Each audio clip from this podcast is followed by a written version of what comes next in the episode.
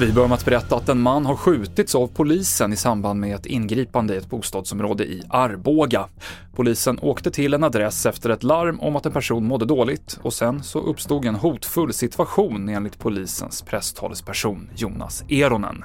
Vid det här ingripandet så uppstår en allvarlig situation där polis utsätts för hot. Och för att lösa den här situationen så nödgas eh, polis att skjuta personen och eh, preliminära uppgifter eh, som jag har gör gällande att den här personen som blev skjuten eh, hade en kniv. Och skadeläget för den skottskadade mannen är oklart. Cementa får fortsätta bryta kalk på Gotland i ytterligare fyra år enligt en dom i Mark och miljödomstolen. Samtidigt pågår arbetet med en ansökan om betydligt längre tid.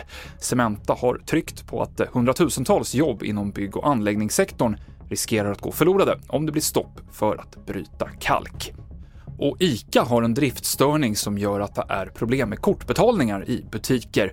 I nuläget finns det ingen prognos för när det här felet kan vara löst. TV4-nyheterna med Mikael Klintevall.